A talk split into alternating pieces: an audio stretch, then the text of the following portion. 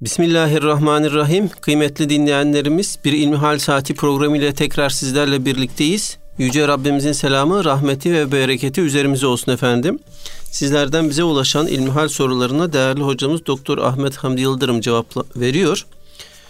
Efendim e, ilk sorumuz şöyle değerli hocam. Yurt dışından geliyor bu e, soru. Kafkaslardan. Diyor ki muhterem hocam bir anne doğurduğu çocuğunun kulağına ezan okuyup isim verebilir mi? Elhamdülillahi Rabbil Alemin ve salatu ve selamu ala Resulina Muhammedin ve ala alihi ve sahbihi ecmain. Cenab-ı Allah'a hamdü senalar olsun, nihayetsiz teşekkürler olsun, sonsuz övgüler onun yüce zatına aittir. Biz insanoğlunu yeryüzünde de ahirette de mutlu ve bahtiyar kılmak için bir sistem göndermiş. Bu sistemin hem kevni yönüyle hem de Kur'ani yönüyle işlemesi için de biz insanoğlunun Rabbimize itaat etmesi zorunluluğu var. Dünya hayatı evlilikle beraber çoğaldığımız ve evliliğin en güzel meyvesi olan çocukla da şenlendiğimiz bir hayat. Bu hayatta esas olan Allah'a kulluk yapabilmek. Bu yönüyle de bir çocuğun dünyaya geldiğinde ilk duyduğu kelimelerin Allah'ın çağrısı olan namaz kelimeleri olması önemli. Bundan dolayı Efendimiz Aleyhisselatü Vesselam doğan çocuklarla ilgili vazifelerimizi anlatırken kulağına sağ kulağına ezan sol kulağına kâmet okunması olarak anlatıyor. Burada bu hitap bütün Müslümanlara yönelik bir hitaptır. Yani erkekler bunu yaparlar, kadınlar yapmazlar diye bir şey söz konusu değil. Ama zaman içerisinde insanlar artık bazı dinin rutin işlerini, sıradan yapıla gelen işlerini bir takım makamlara ve mevkilere yükler hale geldikleri için efendim çocuğu doğan bir kimse çocuğunun kulağına ezan okuması için bir işte hoca efendi arar hale gelmiş. Oysa ezan her Müslümanın farz namaz kılarken yapması gereken bir amel. Hanefi mezhebinde ve genelde alimlerimizin kanaati bu sünnetin, bu amelin erkekler tarafından yerine getirilmesidir. Bu yönüyle namaz kılmadan önce, farz namaz eda edilmeden önce eğer bir mahallede bir yerde ezan okunmamışsa orada ezan okumak mecburiyetimiz sünnet olarak söz konusudur. Şimdi dinimizin içerisinde sünnet olan, farz olan, vacip olan diye bir takım teknik ifadelerle sınıflandırılan ameller bulunmakla beraber bir Müslüman olarak biz günün akışı içerisinde öğrendiğimiz, bildiğimiz, yapa geldiğimiz ibadetleri yapmaya çalışırız. Bunun içerisinde şu farzdır, şu sünnettir diye birini diğerinden daha e, muhkem tutmaya çalışmayız. Elbette kendi aralarında bir hiyerarşi vardır. Ama nihayetinde bir Müslüman olarak hepsini yerine getirme gayreti içerisinde oluruz. Bu noktadan şunu da hatırlatmakta fayda var Basri Hocam. Ee, şimdilerde sabah namazı vakti girdiğinde ezan okunuyor memleketimizde. Çünkü artık sabah namazının vakti kış günlerinde e, çok ilerlemiş oluyor. Ama özellikle de yaz günlerinde gecenin bayağı bir e, ilk saatlerine doğru gelmiş oluyor. Bu yönüyle söz gelimi mesela vakit dörtte girmiş ama müezzin efendi vaktin çıkmasına bir saat kala ezanı okuyorlar. Namazlar e, Türkiye'mizde cemaatle kılınsın diye özellikle de Hanefi mezhebinin tercihi olduğu şekliyle sabah namazı vaktin çıkmasına yarım saat kala veya 20 dakika kala hoca efendiler camide mihraba namaza duruyorlar. Bu yönüyle de ezanı bir yarım saat önce veya 40 dakika önce okumuş oluyorlar. Genelde Diyanetimizin talimatıyla vakit çıkmadan bir saat kadar önce sabah namazı ezanı okunuyor. Ama vaktin girmesi bir yarım saat kadar önce oluyor. Eğer bir kimse efendim uçağı var, e, şehirler arası otobüsü var vesairesi var, acelesi var. E, camide namazı cemaatle kılma imkanı yok. Evinde kılıp çıkması lazım. Fakat henüz mahallede ezan okunmamış ise önce sabah namazının ezanını okur vakit girdikten sonra. Ondan sonra sünnetini kılar, peşinden de kametini getirir, farzını kılar. Böylelikle sabah namazını eda etmiş olur. Bunu şunun için söylüyorum. Mahallelerimizde elhamdülillah sokaklarımızda memleketimizin her yerinde dışarıda ezanlar okunduğu için evde namaz kılarken ezan okuma ihtiyacı hissetmiyoruz. Ama eğer bir sebepten dolayı farzı evde kılmak durumunda ise bir Müslüman erkek o zaman namazın başında, farzın başında kamet getiriyor. Kadınlarımız ezan ve kameti getirmiyorlar. Ma mafi e, mahallede okunan ezan onlar için de okunmuş sayılıyor. Böyleyken belki bir kardeşimiz tereddüt etmiş olabilir. Acaba niye bir kadın ezan okumuyor? Ezan okumadığına göre çocuğun kulağına ezan okumasında bir sıkıntı olabilir mi? Olmaz. Kadınların e, sesi ezan için uygun görülmemiş, fitneye sebebiyet verebilir diye düşünülmüş. Onların sesi daha nahif, daha narin olduğu için bundan dolayı erkeklerin ezan okuması e, uygun görülmüş. Ama e, çocuğun kulağına ezan okunması, kamet getirilmesi meselesinde erkekle kadın arasında bir ayrım söz konusu olmadığı gibi bir çocuk da yani henüz bülü çağına ermemiş olan bir çocuk da yeni doğmuş olan bir çocuğun kulağına ezan okuyabilir, kamet getirebilir. Burada asıl olan şimdi kardeşimiz Kafkasya'dan bu soruyu sormuş. Belki de yeni neslin e, dinle, imanla olan irtibatı eskiler kadar güçlü değil. Belki dışarıda ezan okunmuyorsa artık nerede olduğunu bilemiyorum. Ezan kelimelerini söylemekte, ezberlemekte bile problem yaşıyor olabilir. Dolayısıyla bunu efendim nenenin okuması, dedenin okuması, herhangi bir bayanın okuması önemli değil. Önemli olan sağ kulağına ezanın okunması, sol kulağına da kametin okunmasıdır. Böylelikle çocuğun ilk duyduğu kelimelerin Allahu Ekber kelimeleri olmasıdır.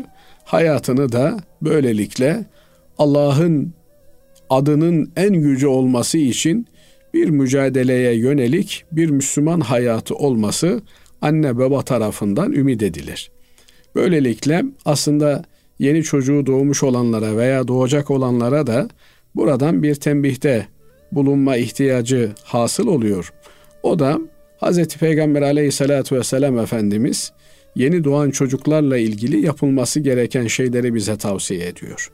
Efendim ilk olarak kulağına e, ezan sesinin gitmesi, sol kulağına kamet okunması, efendim yedi günlük olunca saçlarının tıraş edilip ağırlığınca gümüş tasadduk edilmesi imkanı olanlar için yedi güne kadar e, akika kurbanı dediğimiz Allah'a bize bir evlat verdiği için şükür olması açısından bir kurban kesilmesi, eşe dosta o kurbandan yedirilmesi efendim.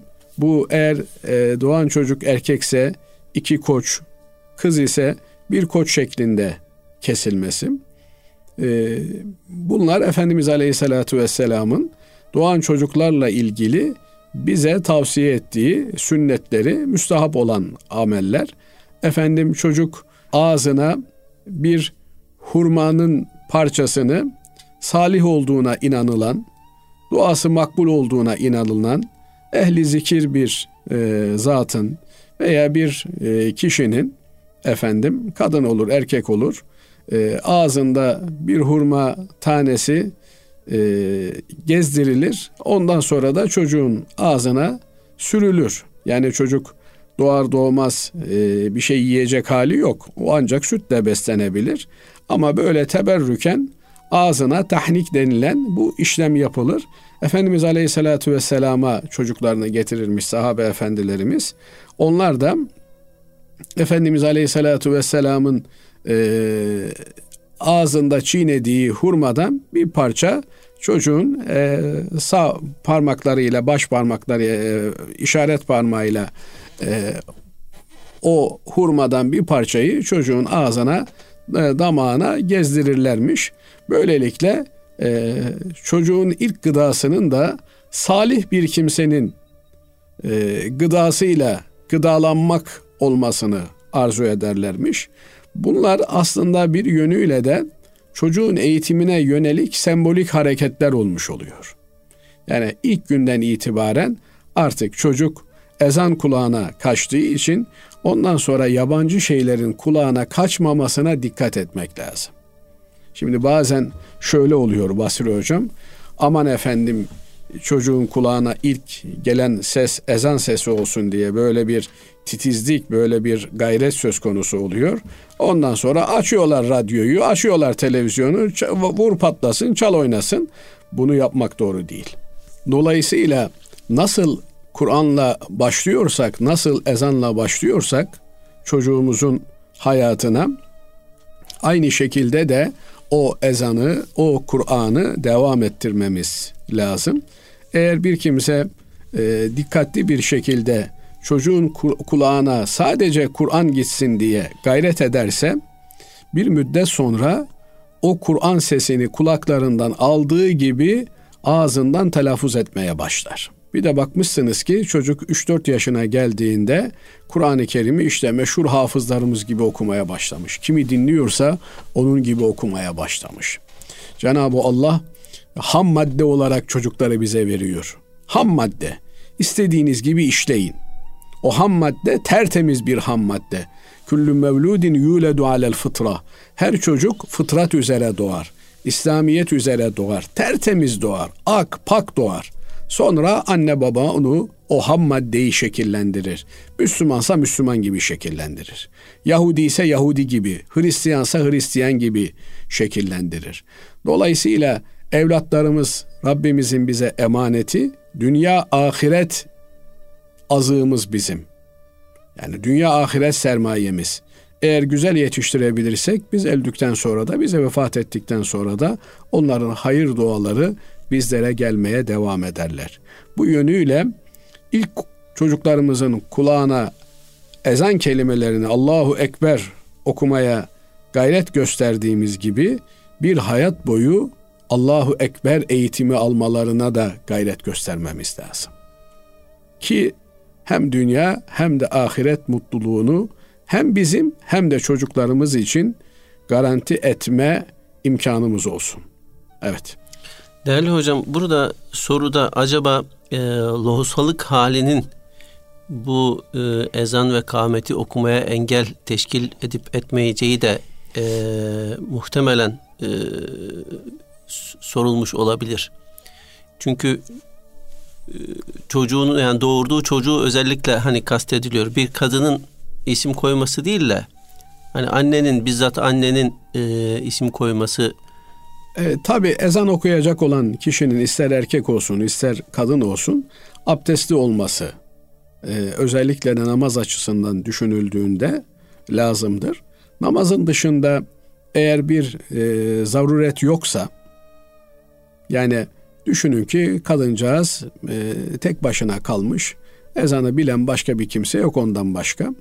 Bu durumda okuyabilir. Çünkü e, ezan kelimeleri aynı zamanda bir ilan anlamı taşıyor. E, bu namaz gibi değil.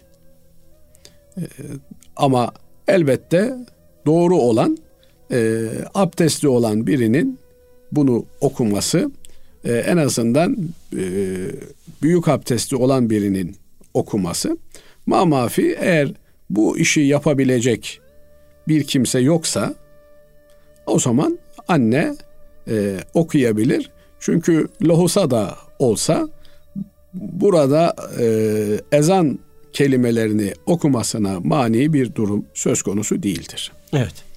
Allah razı olsun. Efendim şimdi yine e, benzer minvalde bir soru bize ulaşmış. Deniyor ki hanımlar müsait olmadığı zamanda cami ve mescitlere giremiyor.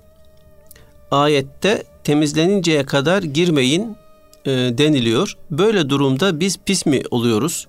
Bu durum bir ayet ve hadislerde nasıl geçiyor? İki, zorunlu durumlarda girilir mi? Bir diğer konu da e, müsait olunmadığı durumda Kur'an-ı Kerim okunmuyor, e, okumuyor ve ellemiyoruz. Mesela küçük dualar ve zikirlerde çoğunlukta dua e, dualar var. Ama Yasin ve Tebareke sureleri de e, bulunuyor. Böyle kitapları elle tutmak caiz olur mu diyor dinleyicimiz. Evet burası da önemli bir konu. Ee, özellikle de bayanlar açısından e, bir takım özel günlerinde e, Cenab-ı Allah bazı ibadetleri yapmalarını yasaklamış. Şimdi namaz kıl diyen Allah özel bir takım zamanlarda namaz kılmayı hepimize yasaklıyor. Biliyorsunuz gün içerisinde üç vakit var namaz kılınmayan. Oruç tutmamız bize emrediliyor ama bayram günleri oruç tutmamız yasak. Dolayısıyla bir ibadetin ibadet olabilmesi onun Allah'ın emrine uygun olarak yerine getirilmesiyle mümkündür. Ya ben namaz kılıyorum kardeşim. Yani önemli olan namaz kılmak mı? Abdest alsam da olur, al, almasam ne olur? Olmaz. İbadetim Allah'ın istediği şekilde, emrettiği şekilde yapma mecburiyetimiz var. Yahu oruç tutmanın ne kötü tarafı var? Bırakın her gün tutayım. Tutamazsın. Allah tut dediğinde tutacaksın, bırak dediğinde bırakacaksın. Namaz da öyle. Kıl dediğinde kılacaksın, kılma dediğinde kılmayacaksın. Bir ibadetin ibadet olması onu isteyenin istediğine göre ayarlamakla mümkündür. Bu yönüyle efendim Cenab-ı Allah namaz kılmamız için bir takım şartlar tayin etmiş. Bunlardan bir tanesi de abdestli olmamız, temiz olmamız. Bu temiz olmaktan maksat abdestli olmaktır. Yoksa e, biliyorsunuz namazın şartlarını konuşurken hadesten taharet, necasetten taharet diyoruz. Necasetten taharet maddi pisliklerden temizliktir. Hadesten taharet ise manevi pislikten temizliktir. Buna adına pislik denilmesi bu durumun pis olduğu anlamına gelmiyor. Yani burada Türkçemizdeki kelime dağarcığımızda karşılayacak bir kelime bulamadığımız için bu kelimeyi kullanıyoruz. Yoksa hades sonradan meydana gelen bir iş anlamına geliyor. Normalde her Müslüman abdestli olarak doğar. Sonradan abdesti bozulabilir. Abdesti bozulduğunda manen bağışıklık sistemi zayıflar. Nasıl insanların maddi olarak bağışıklık sistemleri bulunur, efendim e, üşüttüğünde, hastalandığında, bir takım e, şeylere maruz kaldığında bu bağışıklık sistemimiz zayıflıyor. Manevi olarak da bağışıklık sistemimizin zayıfladığı veya sistemin çalışmaz hale geldiği dönemler olur. Bunlarla ilgili psikolojik bir zayıflık ifadesi olarak e, insanın e, pis olduğu söylenebilir. Ama bu pis kelimesi hakikaten e, bir hakaret olarak da söylenilen temiz olmama türünden bir pislik değildir. Bir Müslüman asla pis olmaz, necis olmaz. Efendimiz Aleyhisselatü Vesselam bir sahabe efendimizin elini musafaha edecekken bu sahabe, sahabe efendimiz elini çekiyor. Efendimiz Aleyhisselatü Vesselam sebebini sorar mahiyetinde bakınca ya Resulallah ben cünübüm diyor. Tabi o gün bugünkü gibi abdest almak kolay değil. Şimdi sabah kalkıyorsunuz musluğu çeviriyorsunuz. 3 dakikada 5 dakikada duş alıyorsunuz, yıkanıyorsunuz, namaz kılıyorsunuz. Ona rağmen insanların himmetleri zayıflamış, abdest almak zor geliyor, duş almak zor geliyor vesaire. Ama eskiden öyle değil. Evlerde duş alma imkanı çok sınırlı. Suyu hazırlayacaksın efendim onun gideri olacak vesaire filan. Böyle bir esnada belki adamcağız bir nehre bir su birikintisine doğru gitmek üzereyken Efendimiz Aleyhisselatü Vesselam'la karşılaşıyor. Efendimiz buyuruyor ki El mu'minu la yencus. Mümin pis olmaz, murdar olmaz. Dolayısıyla e, abdesti yok diye biriyle musafaha etmemesi, oturup kalkmaması diye bir şey söz konusu olmaz. Bu durum erkeklerde böyle olduğu gibi kadınlarda bunun çok çok daha ötesindedir. Niye? Çünkü e, erkek cünüplük halini yıkanmakla giderebilir. Ama bir bayan özel durumunu istediği zaman yıkanmakla gideremez. O manevi bir e, durumdur. Bu durum onda bir murdarlık, bir necaset, bir pislik hali meydana getirmez. Müslüman olduğu sürece hiçbir insan böyle bir e, tabiri caizse durumla karşı karşıya kalmaz. Her Müslüman tertemizdir. Fakat bu duruma e, verilecek bir niteleme bulamadıkları için böyle bir kelime kullanmışlar. Bu kelimenin maddi olarak ifade ettiği bir şey söz konusu değildir. Ama temizlik hem maddi hem manevi yapılır.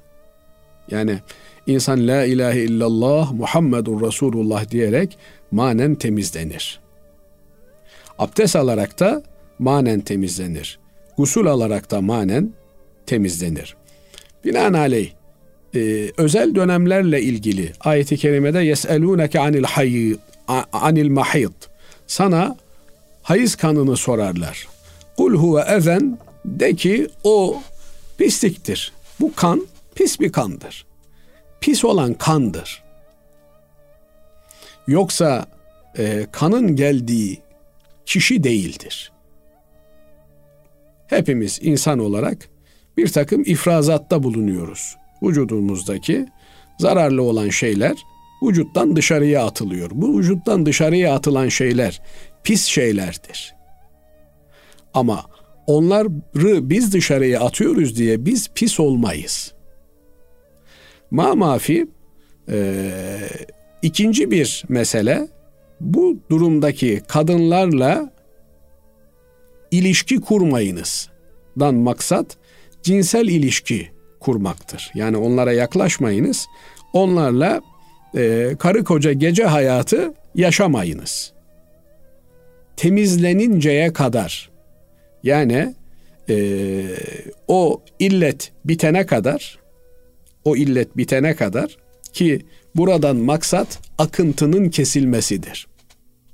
Hatta Hanefi mezhebinde akıntı kesildikten sonra eğer e, bir namaz vakti geçmişse söz gelimi öyle ikindi de e, öğleyin iki de temizlendi bir kadıncağız. Gusül alıp normal hayatına dönmesi gerekiyordu. Namazını kılması gerekiyordu öğle namazını. Kılamadı ikindi oldu. Artık bu hükmen temiz demektir. Yani kocasıyla karı koca gece hayatını yaşayabilecek hale gelmiş demektir. Binaenaleyh e, cinsel hayatın serbest olması için yıkanması bile gerekmiyor. Nokta içerisinde yani bunu e, yanlış anlaşılmasın. Bunun bir pislik olmadığını ifade etmek için yani kadında bir pislik halinin haşa olması söz konusu olmadığını ifade etmek için söylüyorum. Yoksa elbette o görülen kan pistir. E, elbiseye bulaşırsa elbisenin yıkanması lazım. Efendim o, o vaziyette bir ilişkinin olması mümkün değildir. Buradaki temizlikten maksat da o kanın kesilmesidir. Elbette şeriatımız bu e, kanın kesilmesiyle beraber kadının gusül abdesti almasını, namazına, orucuna devam etmesini söylemektedir. Ama bu kanın varlığı e, kadının e, pis olduğu anlamına gelmez. Aksine e, ilişki hariç yine normal hayatına devam eder. Evinin, işinin, gücünün peşindedir. Yaptığı yemek yenilir. Efendim e, her türlü normal hayatı sürdürür. Sadece ibadetlerinde bir takım kısıtlamalar vardır. Bu ibadetlerde abdest gerekli olduğu için cinsel hayatta bir kısıtlama vardır. Onun haricinde bir kısıtlama söz konusu değildir. Ee, tekrar cümlemi e, söylemek isterim. Bir Müslüman pis olmaz. Evet. Diğer meseleye gelince yani e, Kur'an-ı Kerim'den dua manası taşıyan ayetleri okuyabilir. Efendim yine dua mecmuası elinde tutabilir. Bu dua mecmuasının bir tarafında efendim 100 sayfalık mecmuanın içerisinde 3 sayfa 5 sayfa Tebareke Yasin olması da ona zarar vermez. İnşallah o sayfaları tutmadığı sürece e, kitap okuyabilir. Kitap okuduğu kitabın içerisinde ayetler olabilir. E, o ayetlerin varlığı da kitabı tutmasına mani değildir. Burada tabi belki konuşulacak e, çok daha meseleler olabilir. Ama e, kadının bu adet döngüsünü yaşıyor olması e, programın başında da söylediğimiz gibi Cenab-ı Allah'ın dünya ahiret saadeti için bize vermiş olduğu evlat nimetinin bir hazırlığı mahiyetindedir. Yani bu periyodu yaşayan kadın e, üretken olan kadındır. E, üreme çağında olan kadındır. Bunu ifade eder. Bu yönüyle de Cenab-ı Allah e, her ay e, tabiri caizse e, kadını bir takım e, sıkıntılı durumlardan temizliyor. Şimdi e, zannediyor muyuz ki Basri Hocam? Yani bir e, çocuğun dünyaya gelmesine vesile olan anne babada e, babanın işte rolü belli, annenin rolü belli. Anne 9 ay karnında çocuğu taşıyor. Bin bir zahmetle ki Kur'an-ı Kerim bunu muazzam bir şekilde tasvir eder. Bin bir zahmetle taşıyor efendim. Ondan sonra işte çocuk dünyaya geliyor. E şimdi babanın zahmetine bak, annenin zahmetine bak. Ama hem maddi hem manevi olarak yani sadece manevi olarak değil, maddi olarak da o çocuğu dünyaya getirmekle kadın hayatına, ömrüne bir ömür katıyor. Yani dünyanın her yerinde hemen hemen e, kadın ömrü, ortalama ömrü erkeğinkinden fazladır.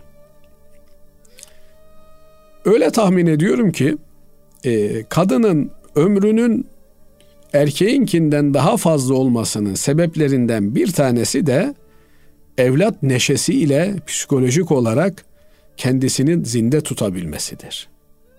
Yani bir çocukla beraber kadının dünyaya bağlanması hem onun psikolojik olarak muhafazasını hem de e, içeride o mekanizma oluşumu esnasında, çocuğun oluşumu esnasında birçok e, sağlıkla ilgili de nimetlere ve lütuflara mazhar oluyor. Yani Cenab-ı Allah hiçbir belayı karşılıksız olarak vermiyor bize. Tırnak içerisinde eğer bu bir bela olarak, sıkıntı olarak düşünülecek olursa. Evet hocam Allah razı olsun e, bu değerli açıklamalarınız için. Efendim şimdi kısa bir araya gidelim. Aradan sonra inşallah kaldığımız yerden devam ederiz.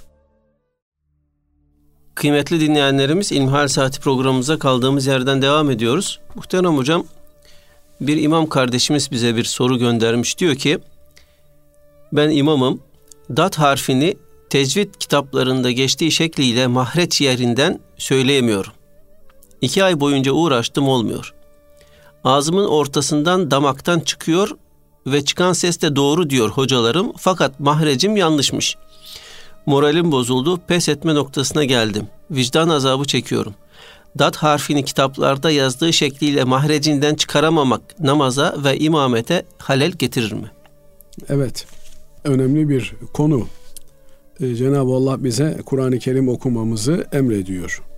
Özellikle de Kur'an-ı Kerim'i namazda okumamız emrolunuyor namazda kıraat yapmak yani Kur'an-ı Kerim okumak, Kur'an-ı Kerim'den kolayımıza geleni okumak namazın farzlarından bir tanesi, rükünlerinden bir tanesi.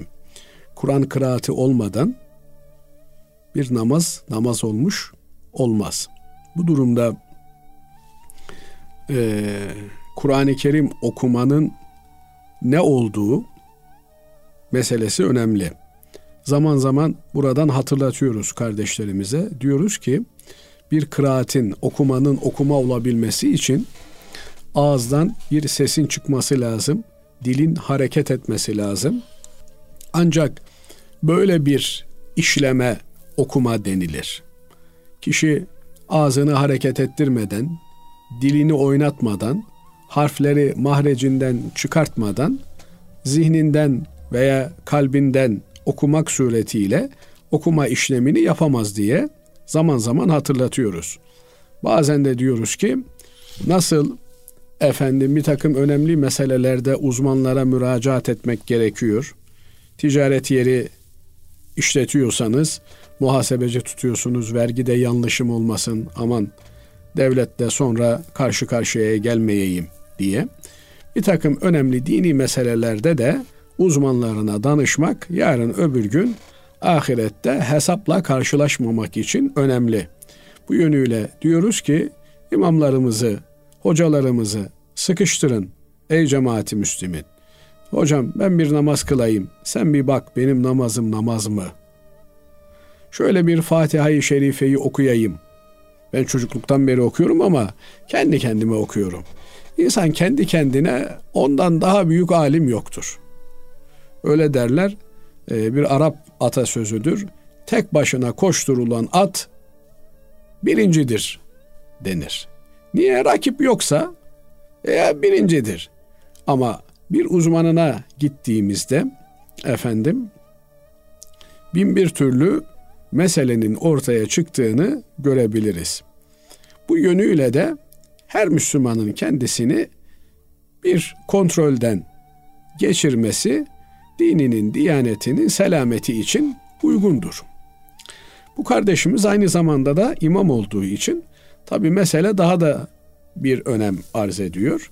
Çünkü e, avamı nas hani bir laf vardır ümminin ümmiye imameti caizdir diye.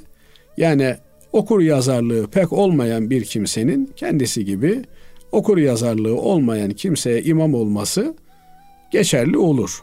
Ama cemaatin içerisinde bin bir türlü kimse var. Belki de e, kurra hafızlar cemaatinizin içerisinde bulunabilir. Hafızlar bulunur, hoca efendiler bulunabilir, şu olur, bu olur. Dolayısıyla İmam Efendi de aranan en önemli şartlardan bir tanesi de akra'uhum li kitabillah. Allah'ın kitabını en iyi okuyan olmasıdır. Bu en iyi okuyanın içerisinde Allah'ın kitabını en iyi anlayan, dini en iyi kavrayan kimse girdiği gibi kıraatı da en düzgün olan kimsenin olması gerekir. Kıraatı düzgünlükten maksat efendim nameler yapması, makamlar yapması, sesinin güzel olmasından daha ziyade harfleri mahreçlerinden, yerlerinden çıkartması meselesidir. Bu yönüyle de e, imam efendilerimizin Kur'an kıraatlerinin düzgün olması gerekir. Bu hem namazın sıhhati açısından, makbuliyeti açısından, geçerliliği açısından söz konusudur. Hem de e, birçok cemaat Hoca Efendi'nin kıraatiyle efendim e, Kur'an-ı Kerim okuma, öğrenme imkanı buluyor. Şimdi e, eskiden özellikle de Selahattin camilerimizde hala devam ediyor. Yani büyük camilerimizde e, bir takım öğle ve ikindi namazlarından önce veya yatsı namazından önce müezzin efendiler farza durmadan İhlas surelerini okurlar. Bu surelerin okunması cemaate şöyle bir fayda sağlıyor. Cemaat de bu surenin düzgün okunuşunu öğrenmiş oluyor. Şimdi herhalde bilmiyorum ama cemaatimizin önemli bir kısmı e, Fatiha, İhlas, Fatiha, efendim Kevser sureleriyle namazını kılıyordur.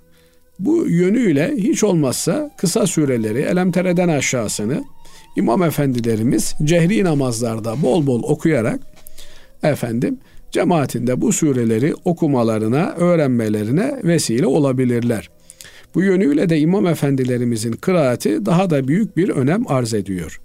Mesela dat harfine gelince şimdi dat harfinin mahrecinden çıkması meselesi e, sesin mahreçten çıkan bir ses olması meselesi önemli.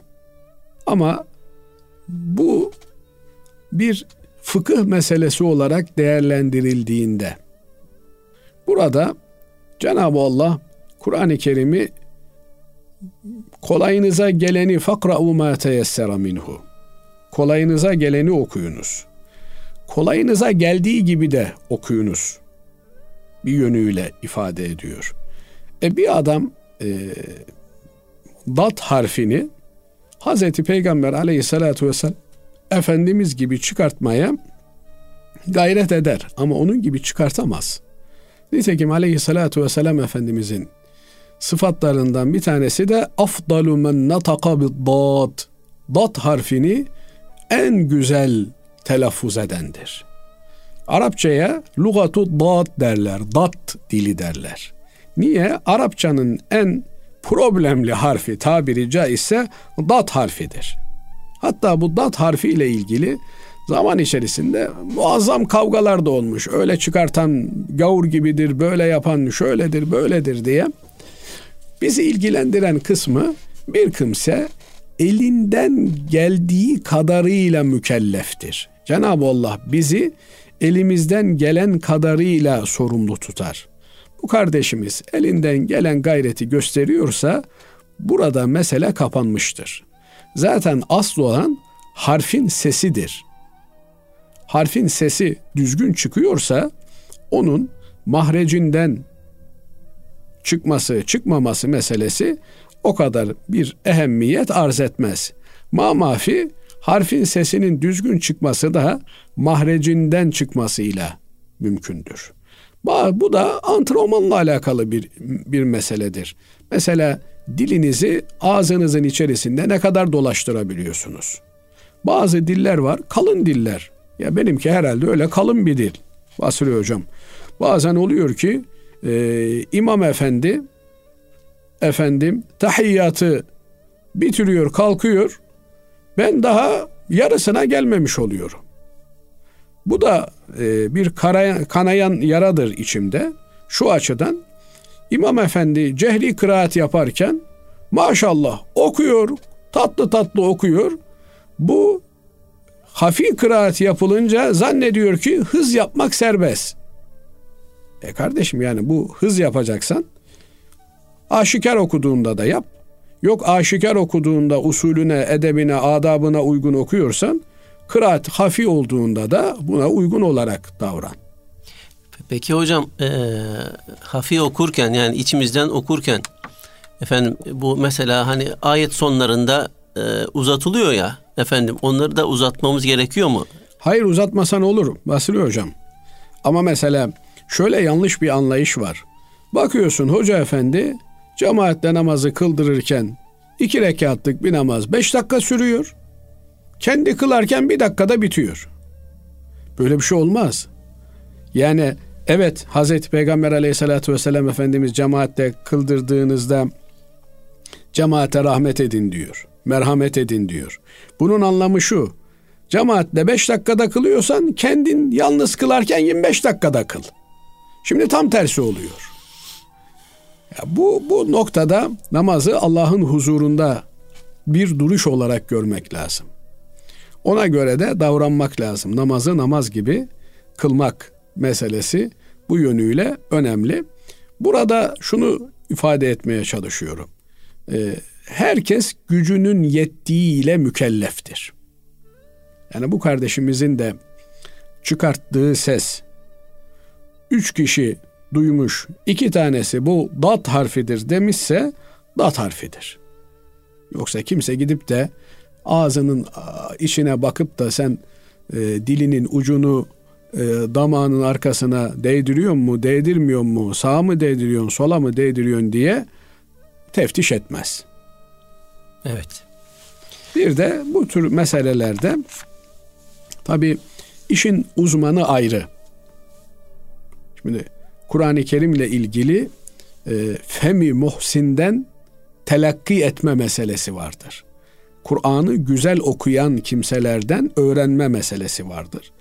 Bizim e, hançeremiz, gırtlak yapımız Kur'an-ı Kerim'deki bazı harflerle ilgili kulağımız onlarla dolmadığı için problemlidir. Ama e, az önceki bir soruya cevap verirken dedik ki yani nasıl ilk doğduğunda çocuğun kulağına ilk giren sözün ezan olmasına dikkat ediyoruz. Ondan sonra da Kur'an olmasına dikkat edersek mesela söz gelimi memleketimizin hafızlarından e, Fatih Çollak hocamız Allah ömrüne bereket versin. Amin. Ee, Cenab-ı Allah hayırlı hizmetlere muvaffak etsin. Amin. Ee, onu da diğer birçok e, hafız hocamızı da elhamdülillah memleketimizde Kur'an-ı Kerim eğitimiyle ilgili, Kur'an-ı Kerim'in okunması ile ilgili çok önemli, çok değerli hocalarımız var. Bir e, çocuk doğduğundan beri e, bir hoca efendiyi, işte Fatih Çollak hocamızı, ne bileyim Mustafa Demirkan hocamızı, ne bileyim Osman Şahin hocamızı, ne bileyim efendim İshak Danış hocamızı dinlesin. Yani her gün mesela evde e, teyipten bu hocalarımızdan birini dinlesin. 4-5 yaşına geldiğinde datı mükemmel çıkartır. Satı mükemmel çıkartır. Bütün o e, bize gırtlak yapımız farklı olduğu için zor gelen harfleri mükemmel olarak çıkartır. Dolayısıyla çocuklarımıza bu iyiliği yapalım.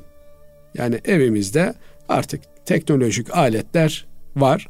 İlla e, annelerimiz, babalarımız yani e, onlar başka şeyler dinlemek istiyorlarsa kendileri ayrı bir odada dinlesinler. Ne yapacaklarsa yapsınlar. Ama çocuklarına böyle hafız efendilerin, hoca efendilerin Kur'an kıraatlerini dinlesinler.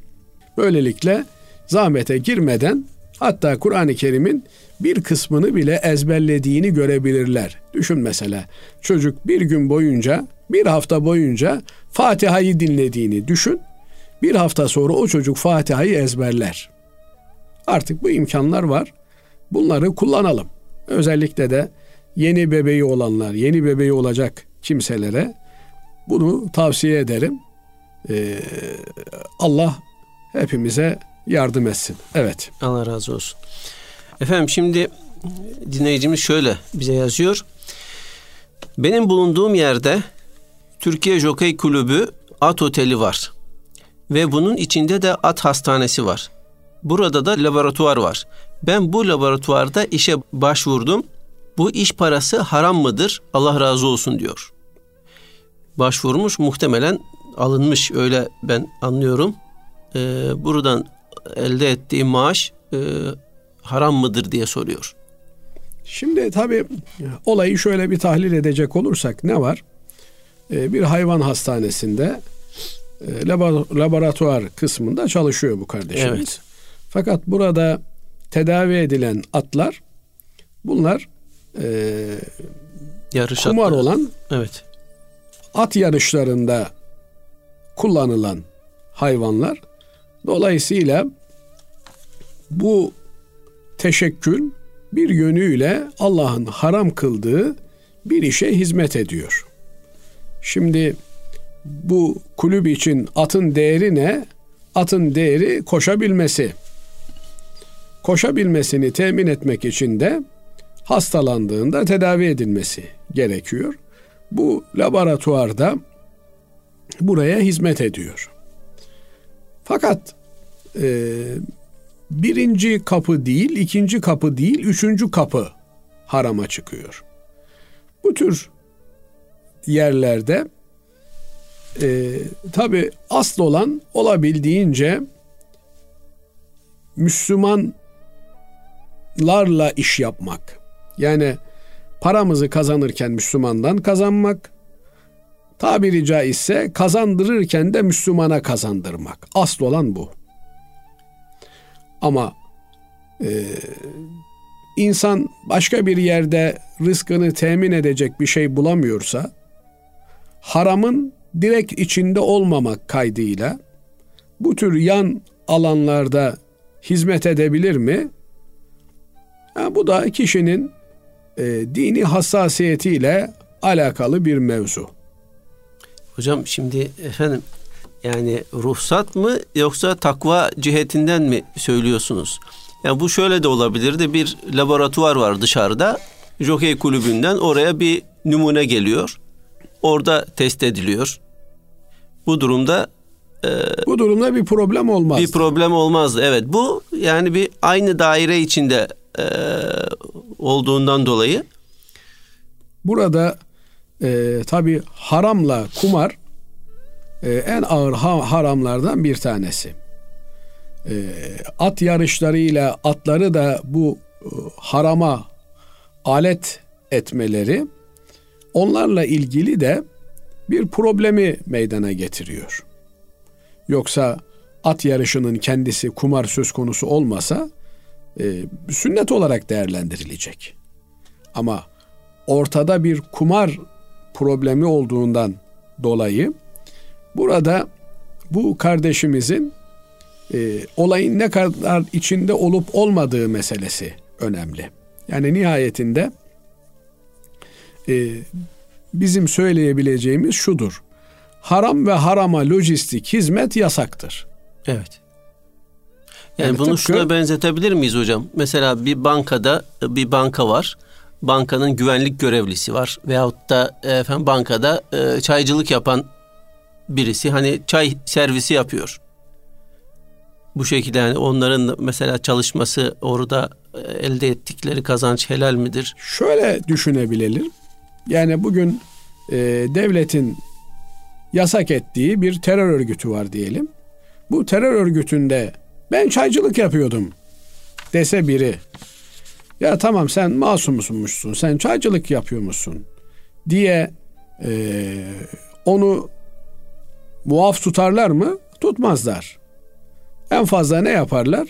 İndirim yaparlar cezasında. Yani e, doğrudan bir bulaşıklığı yok ama dolaylı olarak yardım ve yatakçılığı var. Burada işte yani lojistiğin neresinde olduğu meselesi önemli kişinin. Onu da kendi takdir edecek. Ee, diğer taraftan eğer Efendimiz Aleyhisselatü Vesselam'ın bu noktalarda yani bu tür hassas mevzularla ilgili buyurduğu günah kalbini rahatsız eden şeydir. Binaenaleyh eğer kalbini rahatsız ediyorsa oradan uzak durmak gerekir. Diğer taraftan bir kimsenin hiç aklına gelmiyor olabilir. Yani ben bir laboratuvarda çalışıyorum. Bu laboratuvar e, Jockey Kulübü'nün laboratuvarı. Bu hayvanlar haramda kullanılan hayvanlar hiç aklına gelmeyebilir bir insanın. Onunla ilgili bir problem yok. Ama madem bu kardeşimizin gönlüne bunlar düşmüş. Evet. O zaman kendisi takdir edecek. Müftüler fetva verse de sen kalbine danış, danış diyor. Değerli hocam e, bugünlük bu programlık son sorumuz da şu olsun. Soğan sarımsak yemeden önce besmele çekilmez diye bir şey var mı? Sigara içmeye ve bunun gibi kötü kokulu mesela soğan sarımsak gibi şeyleri yemeye başlarken ve sakalı tıraş ve sakal tıraşı olmaya başlarken besmele çekmek mekruh deniyor. Doğru mu diye soruyor. Şimdi hayır olan her şeyin başında besmele çekeriz. Hayırlı olan her yere girerken besmele ile gireriz. Soğan, sarımsak helal. Allah'ın helal kıldığı binbir e, deva içine koyduğu yiyecekler. Sadece bunları yerken e, ağızda bir koku oluşturuyor. Bu koku da efendim yan yana olduğunuz kimseleri rahatsız edebileceğinden cemaate gidecekseniz bu esnada soğan sarımsak yememeye kazara yemişseniz de o zaman cemaate gitmemeye ama kendisiyle ilgili bir problem söz konusu değil. Allah'ın nimeti. Besmele çekilir. Hatim bile okunur. Soğan sarımsak yerken. Fakat sigara öyle değil. İçki öyle değil. kumar öyle değil. Yani şimdi adam e, kumar kağıdı doldururken besmele ile veya içki kadehini kaldırırken besmele ile yapacak olsa Allah muhafaza eylesin. Yani dinden imandan çıkma tehlikesi söz konusu olur. Niye? Allah diyor ki bu kapıdan girme ben Allah'ın adıyla girerim diyorsun. Bu, bu kadar bir tezat olabilir mi? Allah diyor ki Müslümanı öldürme sen Allah'ın adıyla öldürürüm diyorsun. Yani bu e, tabiri caizse besmele ile dalga geçmek anlamına gelir.